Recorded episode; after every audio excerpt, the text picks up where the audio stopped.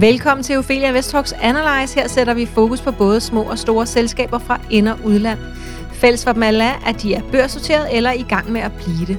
Dine værter er aktieanalytiker Anders Esvang og mig. Jeg hedder Sara Ophelia Møs og driver Ophelia Invest. Vi gennemgår både aktier såvel som selskaber og forsøger samtidig at gøre det så let forståeligt for dig, der lytter med, uanset om du er begynder eller mere erfaren. Du kan altid byde ind med ønsker om gennemgang og analyse af specifikke selskaber og aktier, som du gerne vil have, vi tager et kig på. Det kan du gøre inde i vores Facebook-gruppe Aktieklubben Danmark, og der kan du tagge Anders og eller mig. Du kan i øvrigt læse alle Anders' analyser inde på andersesvang.dk for under 200 kroner om måneden, og der ligger allerede 80 analyser og venter på dig. Nå, lad os springe ud i det sammen med Anders og dagens analyse. Hej Anders. Hej Sara. Vi skal snakke lidt om uh, Hove AS, som er et af de selskaber, der bliver børssorteret det her efterår. De er faktisk i gang lige nu. De havde første dag i deres tegningsperiode øh, i dag. Så øh, jeg tænker, at vi skal starte med at, at høre, hvem er Hove egentlig? Hove er en, øh, en leverandør eller en underleverandør til, til vindmølleindustrien, helt øh, sige, blandt andet. Øhm, de startede for, for mange år tilbage, for cirka 20 år siden, hvor de faktisk blev kontaktet af en vindmølleproducent, øhm, som havde nogle udfordringer, som de gerne ville have den daværende founder og direktør Thomas Hove til at løse for dem. Øhm, de havde en udfordring i, at øh, en del af deres serviceteknikere, de oplevede stigende sygefravær og øh, muskulære skader. Ja. Og det, øh, det fandt Thomas Hove så øh, på et produkt, som han kaldte øh, for Hove AS, øh, som er en automatiseret smørpumpeløsning, sådan så serviceteknikeren ikke manuelt skal pumpe smør, fedt og olie ind i, øh, i vindmøllelejerne. Og det sparer øh, serviceteknikerne for en masse arbejde, en masse fysisk arbejde, og det sparer også virksomhederne for en del penge, og selvfølgelig øh, sygefravær. Okay, så det var faktisk vindmølleindustrien, der selv øh, øh, ligesom oplevede en udfordring, og så prøvede at øh, efterspørge et produkt? Ja, lige præcis.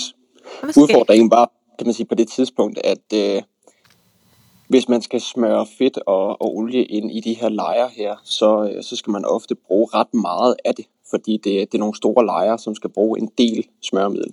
Og Anders, til, til os, der måske ikke lige er vant til, til, til kuglelejer og smøremidler og sådan noget, øhm, så det er noget med nogle, altså hvor bruger man det her hen i, i hverdagen? Kan du, kan du lige hjælpe os med at forstå billedet, hvis vi ikke forstår det? Ja, man kan sige, altså når, når man ser en vindmølle, så kan man jo se, at på selve vindmøllen er der en del, der roterer. Det er jo, mm-hmm. kan man sige, den roterende del, der gør, at der skabes strøm. Ja. Og når der er noget, der roterer, så er der også nogle lejer, der kobles sammen, altså nogle forskellige tandhjul, som, som, som rammer hinanden, og som ja. på den måde drejer rundt.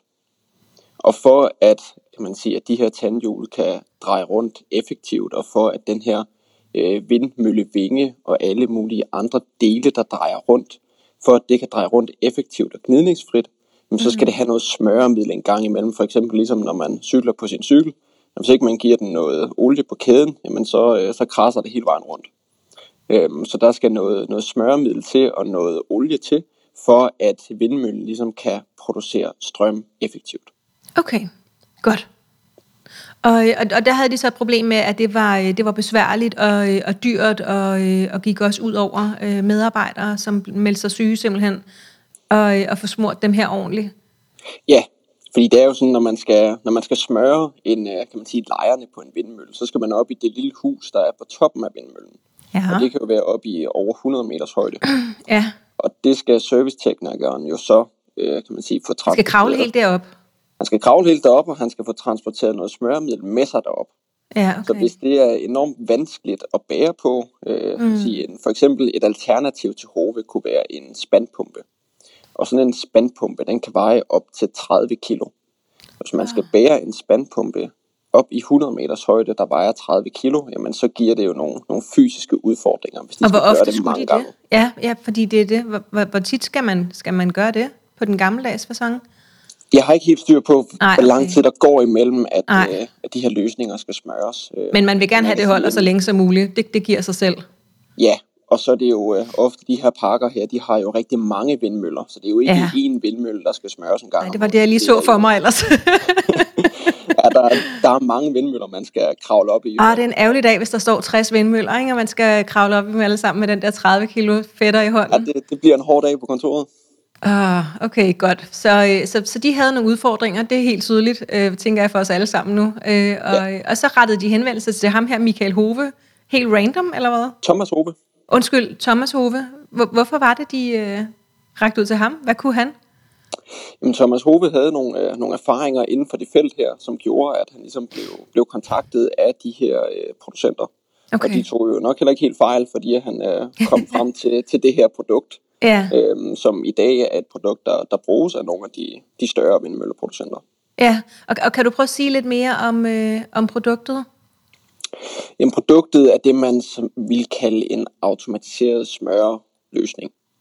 Ja. Det vil sige, at i stedet for, at man som servicetekniker skal stå manuelt og pumpe øh, smøremiddel ind i de her lejer, så har Hove AS udviklet en løsning, hvor man ligesom sætter smøremiddel på øh, sådan en lille kasse, hvor de så trykker på nogle knapper, og så bliver det her altså pumpet automatisk ind i lejerne. Okay, okay. Så man skal stadigvæk mosle det derop, måske ikke helt lige så tit som, som tidligere, men man skal ikke stå og pumpe det, når man så kommer derop.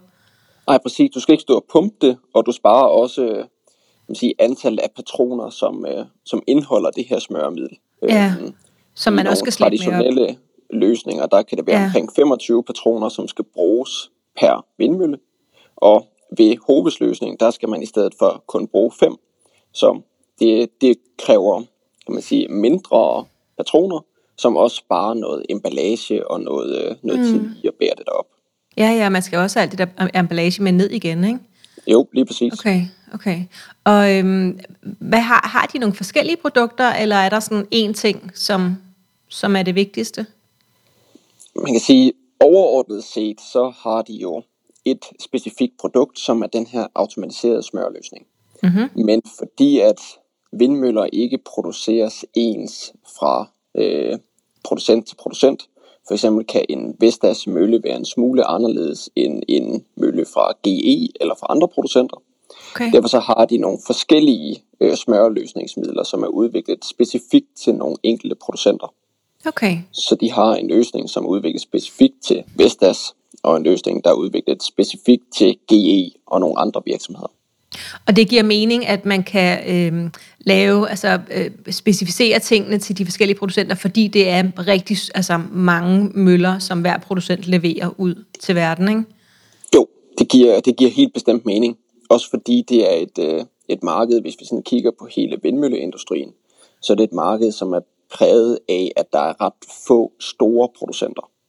Så derfor så vil der være en 10 virksomheder, som står for størstedelen af markedet. Mm. Og det giver det jo mening at lave et specifikt produkt til den ene leverandør, fordi det er nogle store producenter, som har rigtig mange vindmøller. Ja, okay, så, øhm, så, så der er sådan et primært produkt, som så er vinklet til de forskellige producenter? Ja, det er. Ja. Okay. Og så er de så ved at udvikle nogle, nogle nye løsninger, sådan som man også kan bruge den her smørløsning, for eksempel i mineindustrien, hvor der også er nogle dele, ja. der skal smøres. Ja. Eller ved havneterminaler, hvor der også er nogle lejre og nogle øh, gnidningsdele, som skal bruge smøremidler. Okay, øh, og jeg troede jo egentlig, at, øh, at hele det her mineindustri, at det sådan lidt var, øh, var passé. Altså, jeg tænkte egentlig ikke, at, øh, at vi minede så meget længere, øh, men det gør vi ikke også. Der er lige kommet en ny serie ud fra, øh, fra Disney+, Plus, der hedder Dopesick, og det handler også om, øh, om sådan minesamfund i USA af alle steder. Så, øh, så, så er der simpelthen stadigvæk et, øh, et stort marked for, for ting, der, der kan hjælpe mineindustrien. Ja, det er der helt bestemt. Det, det er fortsat en ret stor industri. Øh, okay. sige, det er måske ikke en industri, der sådan er i, i enorm vækst, som vi kan se inden for IT-sektoren eller andre steder. Men det er stadigvæk, øh, kan man sige, målt i dollar og kroner og øre, ja. er det stadigvæk en ret stor industri. Ja, så det er måske bare ikke øh, noget, vi ser så meget her i, øh, ellers i den vestlige verden. USA er jo også den vestlige verden, men, men sådan fra Skandinavien, eller hvad? Så tænker jeg så igen, fordi i Sverige og i Norge osv., er der lidt mine going on Der kan sagtens være noget, noget mine at, at komme efter det. Ja, det er nok ja, ikke noget, okay. vi snakker så meget om i Danmark. Nej, præcis. I Danmark er mere... Kan man... Der har vi Himmelbjerget. Der har vi Himmelbjerget. Der vi fokuserer nok mere på, på sundhedssektoren, hvis ja, det er rigtigt. På 25 rigtigt. og så videre. Okay. Så det er lidt nogle andre øh, sige, virksomheder, vi har herhjemme. Ja, okay. Sagde du noget andet ud over mine, øh, minedrift også? Var, var der andre ting, de var ved at udvikle noget til? Ja, øh, de er også ved at udvikle noget til havneterminaler blandt andet, hvor ja. der er en masse skibe og en masse kraner og så videre, ja. som også har nogle, nogle gnidningsdele og nogle tandhjul, som kræver noget, noget smørmiddel. Øh, man kan sige, at udfordringerne er jo forskellige, om du skal op i en vindmølle i 100 meters højde, eller du skal rundt på en havneterminal, hvor der måske er langt, øh, kan man sige, i sådan en fugleflugt, men ja. ikke så langt i, øh, i stigende højder. Ja. Så der er udfordringen der. I stedet for, at det skal være noget, der, der let kan transporteres, ved man for eksempel kan rulle det derhen. Øhm, så der har de udviklet nogle andre produkter, der ligesom passer bedre til, hvis du skal transportere det i en havneterminal. Men i virkeligheden er der vel masser af steder her i verden, hvor noget skal smøres, for at det hele kan løbe, altså kan, kan igen, som du sagde, være gnidningsfrit, ikke? Jo, helt bestemt. Der, der er masser af ting, der skal smøres. Øh, man kan så samtidig sige, for at det skal være interessant for Hove, så skal det også være nogle forholdsvis store lejre, som skal bruge en del smørmiddel. Øhm, ja, okay. Fordi ellers er der nok andre måder, man kunne gøre det på, hvor det ikke kræver den her automatiserede løsning. Så cyklen og skateboardet, det er ikke det, er, Nej, det, det, det er nok der, ikke deres, deres primære kundegruppe sådan lige fremad i hvert Nej. Øh, hvis, hvis vi lige løfter blikket et øjeblik, så, øhm, så skal de jo øh, børssorteres på, øhm, på Nasdaq First North, som er den her vækstbørs, øh, en af de to danske minibørser. Den anden hedder Spotlight Stock Market. Og, øhm, og hvordan passer Hove ind på, øh, på den her type børs?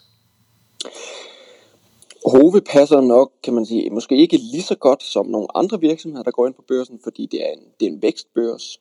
Øhm, Hove er ikke en, en virksomhed, der sådan inden for de senere par år i hvert fald har vist en høj vækst.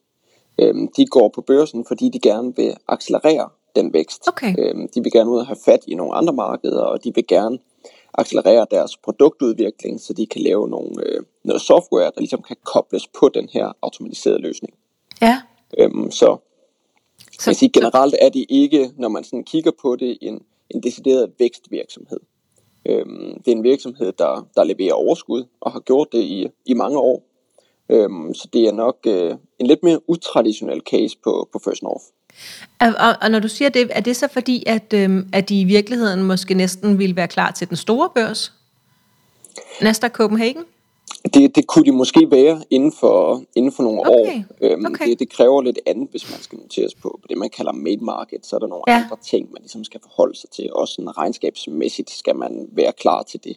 Ja. Øhm, så det kunne godt være inden for et par år, at de kunne passe dig til. Grunden til, at jeg siger, at de er sådan lidt utraditionelle på First North, er fordi, at mange af de selskaber, man ser her, det er selskaber, hvor, hvor vækst er det primære fokus, og hvor der ikke bliver fokuseret på at skabe overskud, men på mm. at accelerere væksten så meget som muligt. Så forskellen er, at Hove faktisk tjener penge allerede nu? Hove tjener penge allerede nu, og det, det gør også, at man sådan lige tager toppen af vækstforventningerne. Man skal ikke ja, okay. forvente, at det er en virksomhed, der kommer til at vækste sige 50% per år de næste tre år. Det, det kommer ikke til at ske. Det er en virksomhed, der kommer til at vækste måske lidt mere stabilt, men så ja. samtidig levere et overskud. Okay. Og stabilitet er jo ikke nødvendigvis en dårlig ting, tænker jeg. Nej, bestemt ikke. Som har næsten ligesom yndlingsaktie. det er nok bare en anden, mm. Øh, kan man sige, investorgruppe, der måske passer til Hove end nogle ja. af de andre selskaber, vi har, vi har set gå på First North. Ja, øh, og nu, øh, nu fortalte du lige, at, øh, at de allerede øh, tjener penge. Kan du sige lidt mere om, øh, om størrelsen? Og hvor længe de har tjent penge? Hvis jeg husker rigtigt, så er det en virksomhed, der næsten har tjent penge for dag et. Okay. Øhm, og hvor længe har de været i gang? De har været i gang i, øh, kan man sige, det blev skabt for omkring 20 år siden. Okay. Og øh, ja, de har, de har tjent penge i ret mange år. Jeg kan ikke se alle regnskab, men øh, hvad jeg kan se, så har de tjent penge i, i en del år. Ja. Øhm, I dag der omsætter de for lige omkring 100 millioner, og det har de gjort i, i de sidste par år, og forventer også i det år, vi er i nu, at det kommer til at ligge på omkring 100-105 millioner i omsætning. Så der kan man se, at det er ikke en virksomhed, der sådan er i høj vækst, fordi de 100 millioner har vi ligget på i de sidste 2-3 år. Øhm, men samtidig har de så leveret et fornuftigt overskud løbende. Og hvad er overskuddet? Hvad har det været på? Det lå på 5,7 øh, millioner i 2020 øh, i øh, det, man kalder resultat efter skat. Så ud fra en omsætning på omkring 100 millioner, leverede de altså 5,7 millioner i overskud efter skat. Okay, er, er, det, er det godt? det, det, det er fornuftigt. Det tror jeg godt, ja. at, de kan, at de kan forbedre over de, over de næste år. Øhm, okay. Jeg tror ikke, at det er, kan man sige, hvis man ser sådan profitmarginsmæssigt på det, så tror jeg godt, at de kan løfte altså andelen af den omsætning, der ender med at blive overskud i sidste ende. Okay, og det er vel sådan noget, som, som man kigger altså positivt på, ikke? tænker jeg sådan en som dig? Jo, helt bestemt, fordi det gør jo, at hvis vi, kan man sige, hvis vi kigger på væksten i overskuddet, hvis virksomheden vækster 10% i omsætning, men samtidig løfter deres profitmargin, så vil væksten i overskuddet være højere end væksten i omsætningen.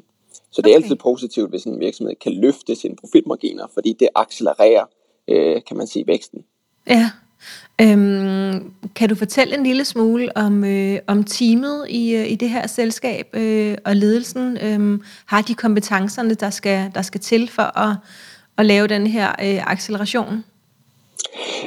Det virker til, at de har, øh, at de har kompetencerne inden for, øh, inden for det felt her. Okay. Øhm, jeg har ikke dykket sådan helt vildt meget ned i ledelsen, har i stedet for fokuseret på at, at forstå forretningsmodellen og forstå produktet ja. lidt mere. Så jeg kan ikke kloge mig voldsomt meget på, øh, på ledelsen, øhm, andet end at det er, det er en ledelse, der har været i, i forretningen i nogle år, og ligesom har været med til at skabe den virksomhed, vi, vi ser i dag. Øhm, så de har kunne udvikle den, øh, kan man sige, indtil videre. Nu skal de så til at vise, om de også kan, kan udvikle den, når den bliver børsnoteret. Ja, det er jo altid spændende. Øhm, hvis vi lige skal, øh, skal bare nævne, hvem det er, der, øh, der bestemmer i Hove, så, øh, så har vi jo øh, Maja Vonsil Jørgensen, som er direktør, og hun bliver faktisk øh, den kun anden kvindelige direktør på, øh, på First North øh, blandt de selskaber, der ligger der. Der er jo omkring øh, 40, 40 selskaber noteret på de danske minibørser, og der havde vi jo så kun én kvinde øh, i forvejen, som er direktøren for Impeo. Så det, det er jo lækkert, at der kommer lidt flere kvinder. Det er jo ærgerligt, at vi skal sætte fokus på det overhovedet. Men jeg tænker, når det kun er nummer to ud af 40, så virker det også næsten mærkeligt ikke at, øh, ikke at pointere det. Øhm, ja. ja, helt bestemt. Ja, hun har jo, øh, hun har jo læst øh, strategi, organisation og ledelse. Er, er det sådan noget, der er, der er smart, når det er, man sidder i spidsen for et børsnoteret selskab? Ja, det var det helt bestemt sige, der. Det er altid godt at kunne øh, kan man sige, have noget, noget strategisk tænkning ind over, specielt når hun har den, den ledende rolle. så er det godt, at hun kan holde overblikket i virksomheden og ligesom skabe, hvor virksomheden skal hen fremadrettet på de sådan store linjer. Ja, ikke? fordi jeg tænker, der, der må ligesom være to oplagte typer, der, der er direktør. Ikke? Enten skal det være en, som, som er rigtig skarp til, til strategi og kan tænke, du ved, langsigtet osv., eller også så skal det være en, der har, øh, der, du ved, der øh, der er god til produktet, ikke? Altså, som ved alt om, om feltet og produktet og så videre. Er det, øh, er det ikke rigtigt? Og så tænker jeg, at, at jo større selskabet er, jo større ambitionerne er, jo vigtigere bliver det måske, at det er en med det strategiske overblik, der sidder i toppen, og ikke produktnørden. Kan du, kan du, hvad tænker du om det? Ja, helt bestemt. Det, det vil jeg bestemt være enig i, fordi produktnørden, øh, hvis vi kalder ham det, det er jo nok typisk skal, skal sidde et sted, hvor det har med produkter at gøre, og ikke så meget med, med det sådan overordnede strategiske blik. Ja. Øhm, noget andet, jeg, jeg synes, der kan man sige, er vigtigt at kigge på ved en ledelse, det er, om det er nogen, der er hentet udefra, eller det er nogen, der ligesom kommer inden fra virksomheden og har arbejdet sig op Øhm, der er lavet øh, nogle forskellige rapporter og nogle forskellige bøger om, at, at det at arbejde sig op i en virksomhed, altså at direktøren har været i virksomheden i flere år på nogle andre poster, ofte giver et bedre resultat, hvis man henter en direktør ind udefra. Mm. Yeah. Så det, øh, det er også positivt, at uh, Maja Bonsel, hun har været med til at vækste forretningen i USA, i deres amerikanske uh, afdeling, og så senere hen er rykket tilbage til Danmark igen, og jeg blev en direktør for den samlede forretning der. Ja, og hvis vi så skal kigge på produktnørden, så hedder han vel øh, Thomas Kramer, han er CCO i, øh, i Hove, øh, og, øh, og uddannet værktøjsmager simpelthen. Det synes jeg var sådan ret, øh, ret hyggeligt øh, hvad hedder det, ord i virkeligheden bare, altså når det nu er, at man laver noget, der, der har med værktøj at gøre. Ikke? Og han har jo også været med til at opfinde øh, flere af de her produkter. Uh, så der havde vi jo produktnørden også siddende i toppen. Helt bestemt. Ja. Okay. Øhm, og, og værktøjsmager er jo en, en fin øh, kan man sige, baggrund at have, fordi at værktøj kan være mange andre ting, end vi måske, når vi tænker værktøj, så er det måske ja. som en hammer og, en, øh, ja, og så meget andet. Men yes. værktøj inden for den her verden kan være rigtig mange forskellige ting. Ja.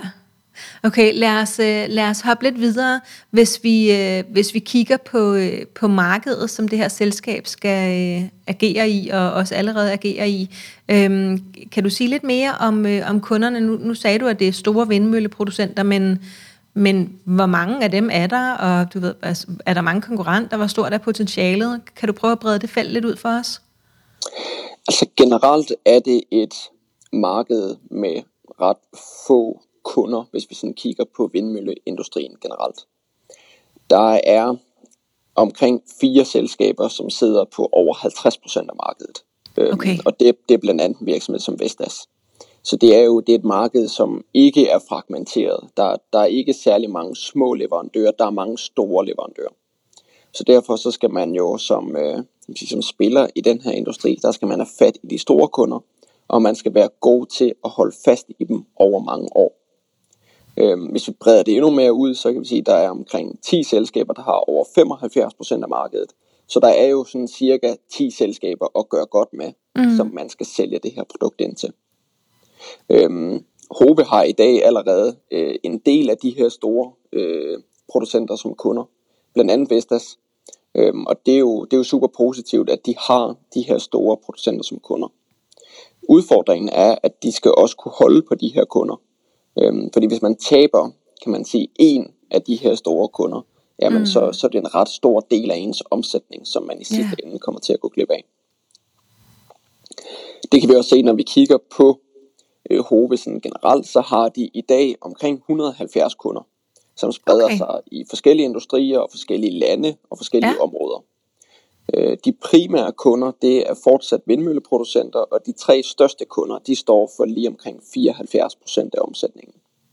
Så der er, der er primært tre store kunder, som Hove skal være gode til at holde fast i og udvide samarbejdet med løbende. Det, øh, så tænker jeg, at det er helt naturligt at snakke lidt om, øh, om risiko. Fordi jeg tænker, at hvis man har tre kunder, der står for øh, ja, cirka 75 procent af omsætningen, så er man jo en lille smule sårbar. Øhm, ja. Helt bestemt. Det er, det er klart et område, som jeg som investor vil, øh, vil holde øje med. Mm. Fordi at man, man er øh, sårbar, når man har så stor en del af omsætningen, der kommer fra få kunder. Til gengæld kan det jo, hvis du har et godt samarbejde med de her kunder, så kan det også være svært for konkurrenter at komme ind på markedet. Ja. Øh, fordi du ligesom allerede har størstedelen af markedet ved at have nogle få store kunder. Ja, det måske også. Være, ja. Det kan både være positivt og, og negativt, alt efter hvor, hvordan kan man sige, kundeforholdet er. Men det er helt klart en risiko. Jeg tænker, vi skal jo, øh, vi skal jo snakke med, med Hove også på et tidspunkt i podcasten her, når de er kommet vel over deres, øh, deres børssortering. Vi har jo lavet lidt om i det, sådan så at, øh, at vi snakker med dig og, og, og laver analyse af selskabet her i, i starten, så det bliver lidt mere objektivt, øhm, hvor at vi jo plejer at snakke med selskabet i tegningsøen, når de kan komme med den her salgstale. Øhm, så den, den gemmer vi til de simpelthen er blevet børssorteret. Og jeg tænker, det er måske noget af det, som bliver rigtig spændende at snakke med lige præcis selskabet om øh, den her gang.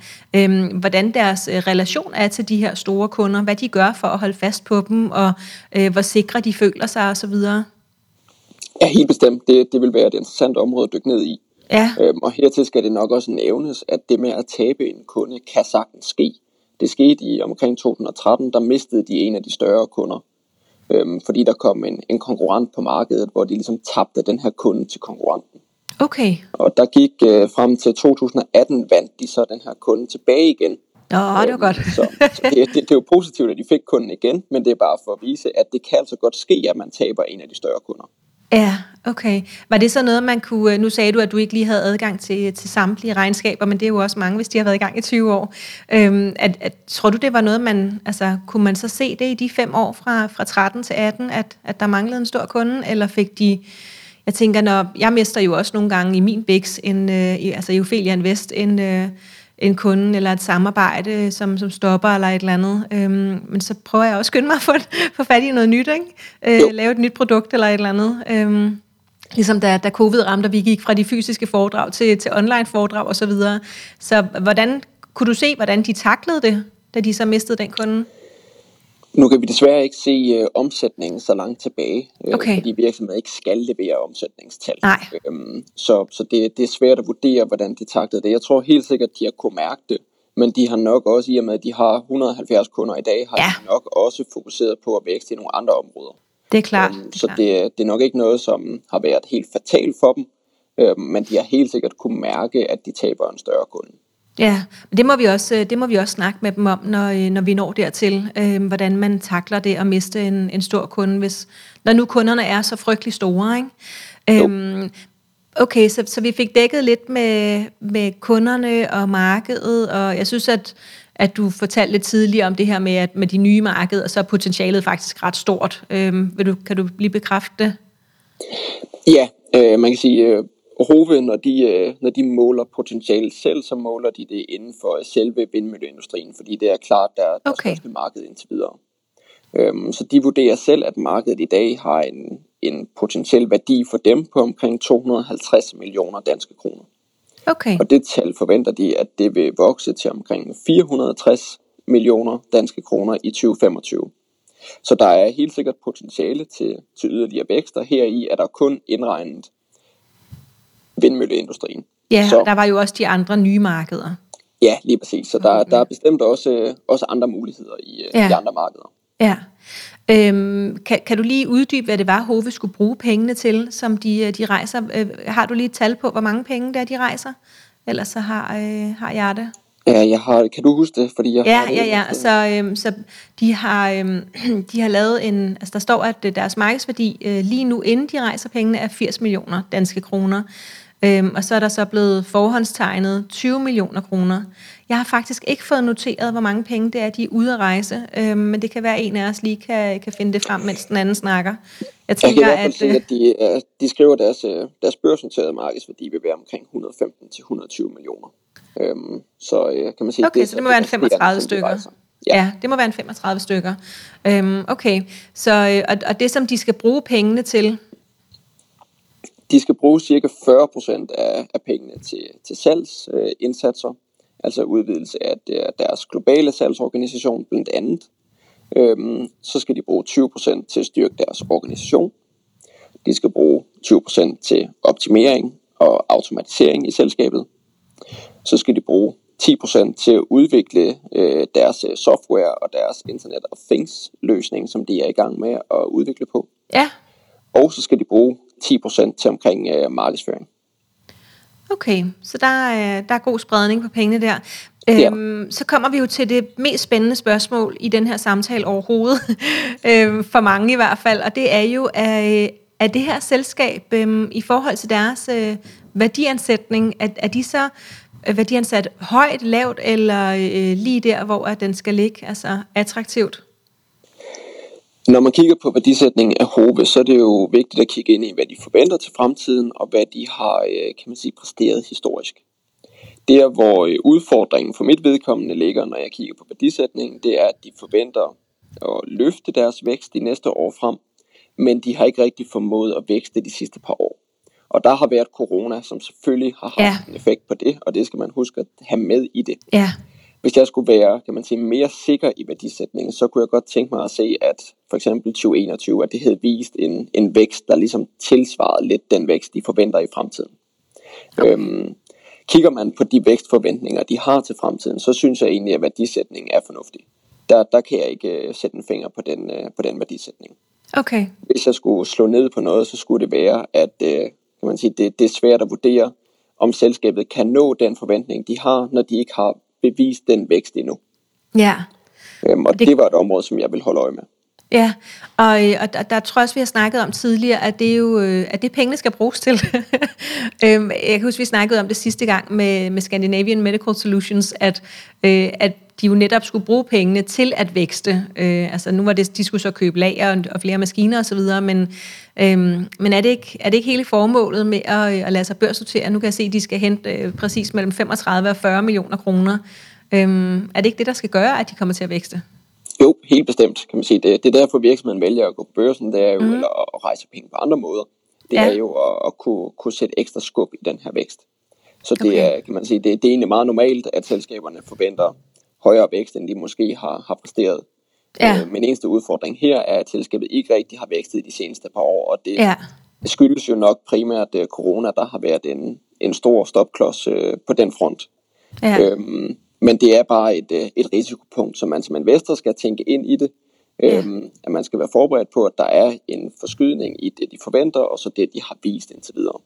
I forhold til, øh, til nu, nu kan vi jo bare tage helt bredt, jeg ved, at du kigger også på, øh, på rigtig mange andre cases her på de små øh, minibørser. Hvis vi nu tager de her 40 selskaber og, øh, og siger, at de ligger på sådan en... Øh, i sådan et spektrum, du ved, hvor der er nogen, der øh, er gået på børsen meget højt værdisat, øh, hvor at det har været måske lidt eventyrtanker, noget af det, øh, og så er der nogen, der er virkelig solide, altså hvor at de har vist, at de har vækstet i flere år, og det er, de er færre værdiansat, og, og det skal nok gå formentlig. Hvor, hvor ligger vi så henne her? Altså, jeg tænker, fordi nu, nu siger du, de har ikke vækstet de sidste år, men de har alligevel været i gang i, i 20 år, omsætter for 100 millioner om året. Så tænker jeg, der, der sker der et eller andet. Ja, helt bestemt, kan man sige. De er jo ikke startet på 100 millioner. Øhm, så de har jo vækstet i de tidligere år. Ja. Det er bare ikke nogle tal, som, som de har vist i deres regnskab øh, i det, forbindelse med deres børsnotering, så det er ikke nogle tal, vi sådan kan kigge på. Okay. Øh, så så det, det er svært at se, hvor meget der er vækstet år for år. Ja, okay. Men generelt, når vi kigger på værdisætningen, så vil jeg sige, at de ligger der på det spektrum, der hedder færre værdisat. Okay. De værdisættes til omkring en 12-13 gange deres, øh, deres EBITDA, som man kalder det, som sådan er mm-hmm. et driftsoverskud. Og det er egentlig, kan man sige, ganske fornuftigt for en virksomhed af den her størrelse, og en virksomhed, øh, kan man sige, med den her type forretningsmodel. Okay. Øhm, når vi kigger på andre sammenlignelige virksomheder, så ligger vi også i omkring det niveau. Øhm, så det, det, det er en ganske fornuftig værdisætning, der er sat på Rove. Godt. Færre og fornuftigt, det, øh, det synes jeg er, øh, er en, øh, er en god afslutning, øh, også fordi at du jo øh, samtidig har øh, påpeget et par opmærksomhedspunkter, som, øh, som vi kan holde øje med, og det var blandt andet, hvordan kommer de ud af 2021, og hvordan kommer 2022 til at gå, som jeg forstod det. Ja, ja. og så er det nok vigtigt, at man her som, som investor stiller sig selv det spørgsmål, hvad det er, man, øh, man sige, hvad man er for en type. Hvis man er den type, der ønsker høj vækst, jamen så er HV nok ikke den case, man skal kigge så meget på. Og, man og høj risiko, ikke? Øh, høj vækst følges med høj risiko, ikke? Jo, helt bestemt. Godt, godt, godt. Hvis man, er, hvis man er mere typen, der gerne vil have noget stabilitet, og måske noget lidt mere stabil vækst og et løbende overskud, jamen så passer HV måske bedre ind i porteføljen altid så fik vi også lige sat på, hvad man, øh, hvad, hvilken type investor, som, øh, som det her det giver mening for. Hvad synes du er det allervigtigste, lytteren skal tage med sig? Jeg synes, det allervigtigste er, at man skal forholde sig til kan man sige, risikoen i, øh, i kundegruppen, at det er forholdsvis få kunder, der fylder en stor del. Og så skal man forholde sig til, øh, kan man sige, den industri, de kigger ind i, at der selvfølgelig er et forholdsvis stort marked i forhold til, hvad de er fat i i dag, selvom de stadigvæk har nogle af de store kunder. Og så skal man forholde sig til det her med, med væksten, at det ikke er en virksomhed i høj vækst og høj risiko. Det er en virksomhed måske med lavere vækst, men som giver et, et løbende overskud. Ja, godt. Lavere vækst, men også lavere risiko. Det er ja. fint at have plads til flere forskellige i porteføljen. Og, og jeg synes, jeg blev meget mærke det, du sagde med, at, øh, at det måske ikke var sådan en helt typisk øh, case ind på, øh, på First North, som er en vækstbørs, men, men i virkeligheden ligger de måske nærmere og svæver et eller andet sted mellem en vækstbørs og så hovedmarkedet. Ikke? Så det bliver spændende at se, om de, om de laver det spring øh, her inden for de næste, ja, kunne det så være en fem år eller sådan noget. Ikke? Så, øh, så lad os jo, se, hvad der sker der også. Tusind ja. tak, Anders. Jamen selv tak. Således klogere på dagens aktie. Hvis du har spørgsmål, er du som sagt meget velkommen til at stille dem inde i Facebook-gruppen Aktieklubben Danmark og tagge Anders eller mig. Hvis du selv vil lære at lave analyser, så ligger der i medlemsklubben på ophelianvest.dk blandt andet to fulde online-kurser i aktieanalyse og yderligere 25 timers undervisning i aktieanalyse. Der er også opgaver, som du kan træne på. Medlemsklubben er lavet til dig, så du kan optimere dit afkast. Hvis du vil hjælpe os, må du meget gerne give os en rating der, hvor du hører din podcast. Tak fordi du lyttede med, og rigtig god fornøjelse med investeringerne.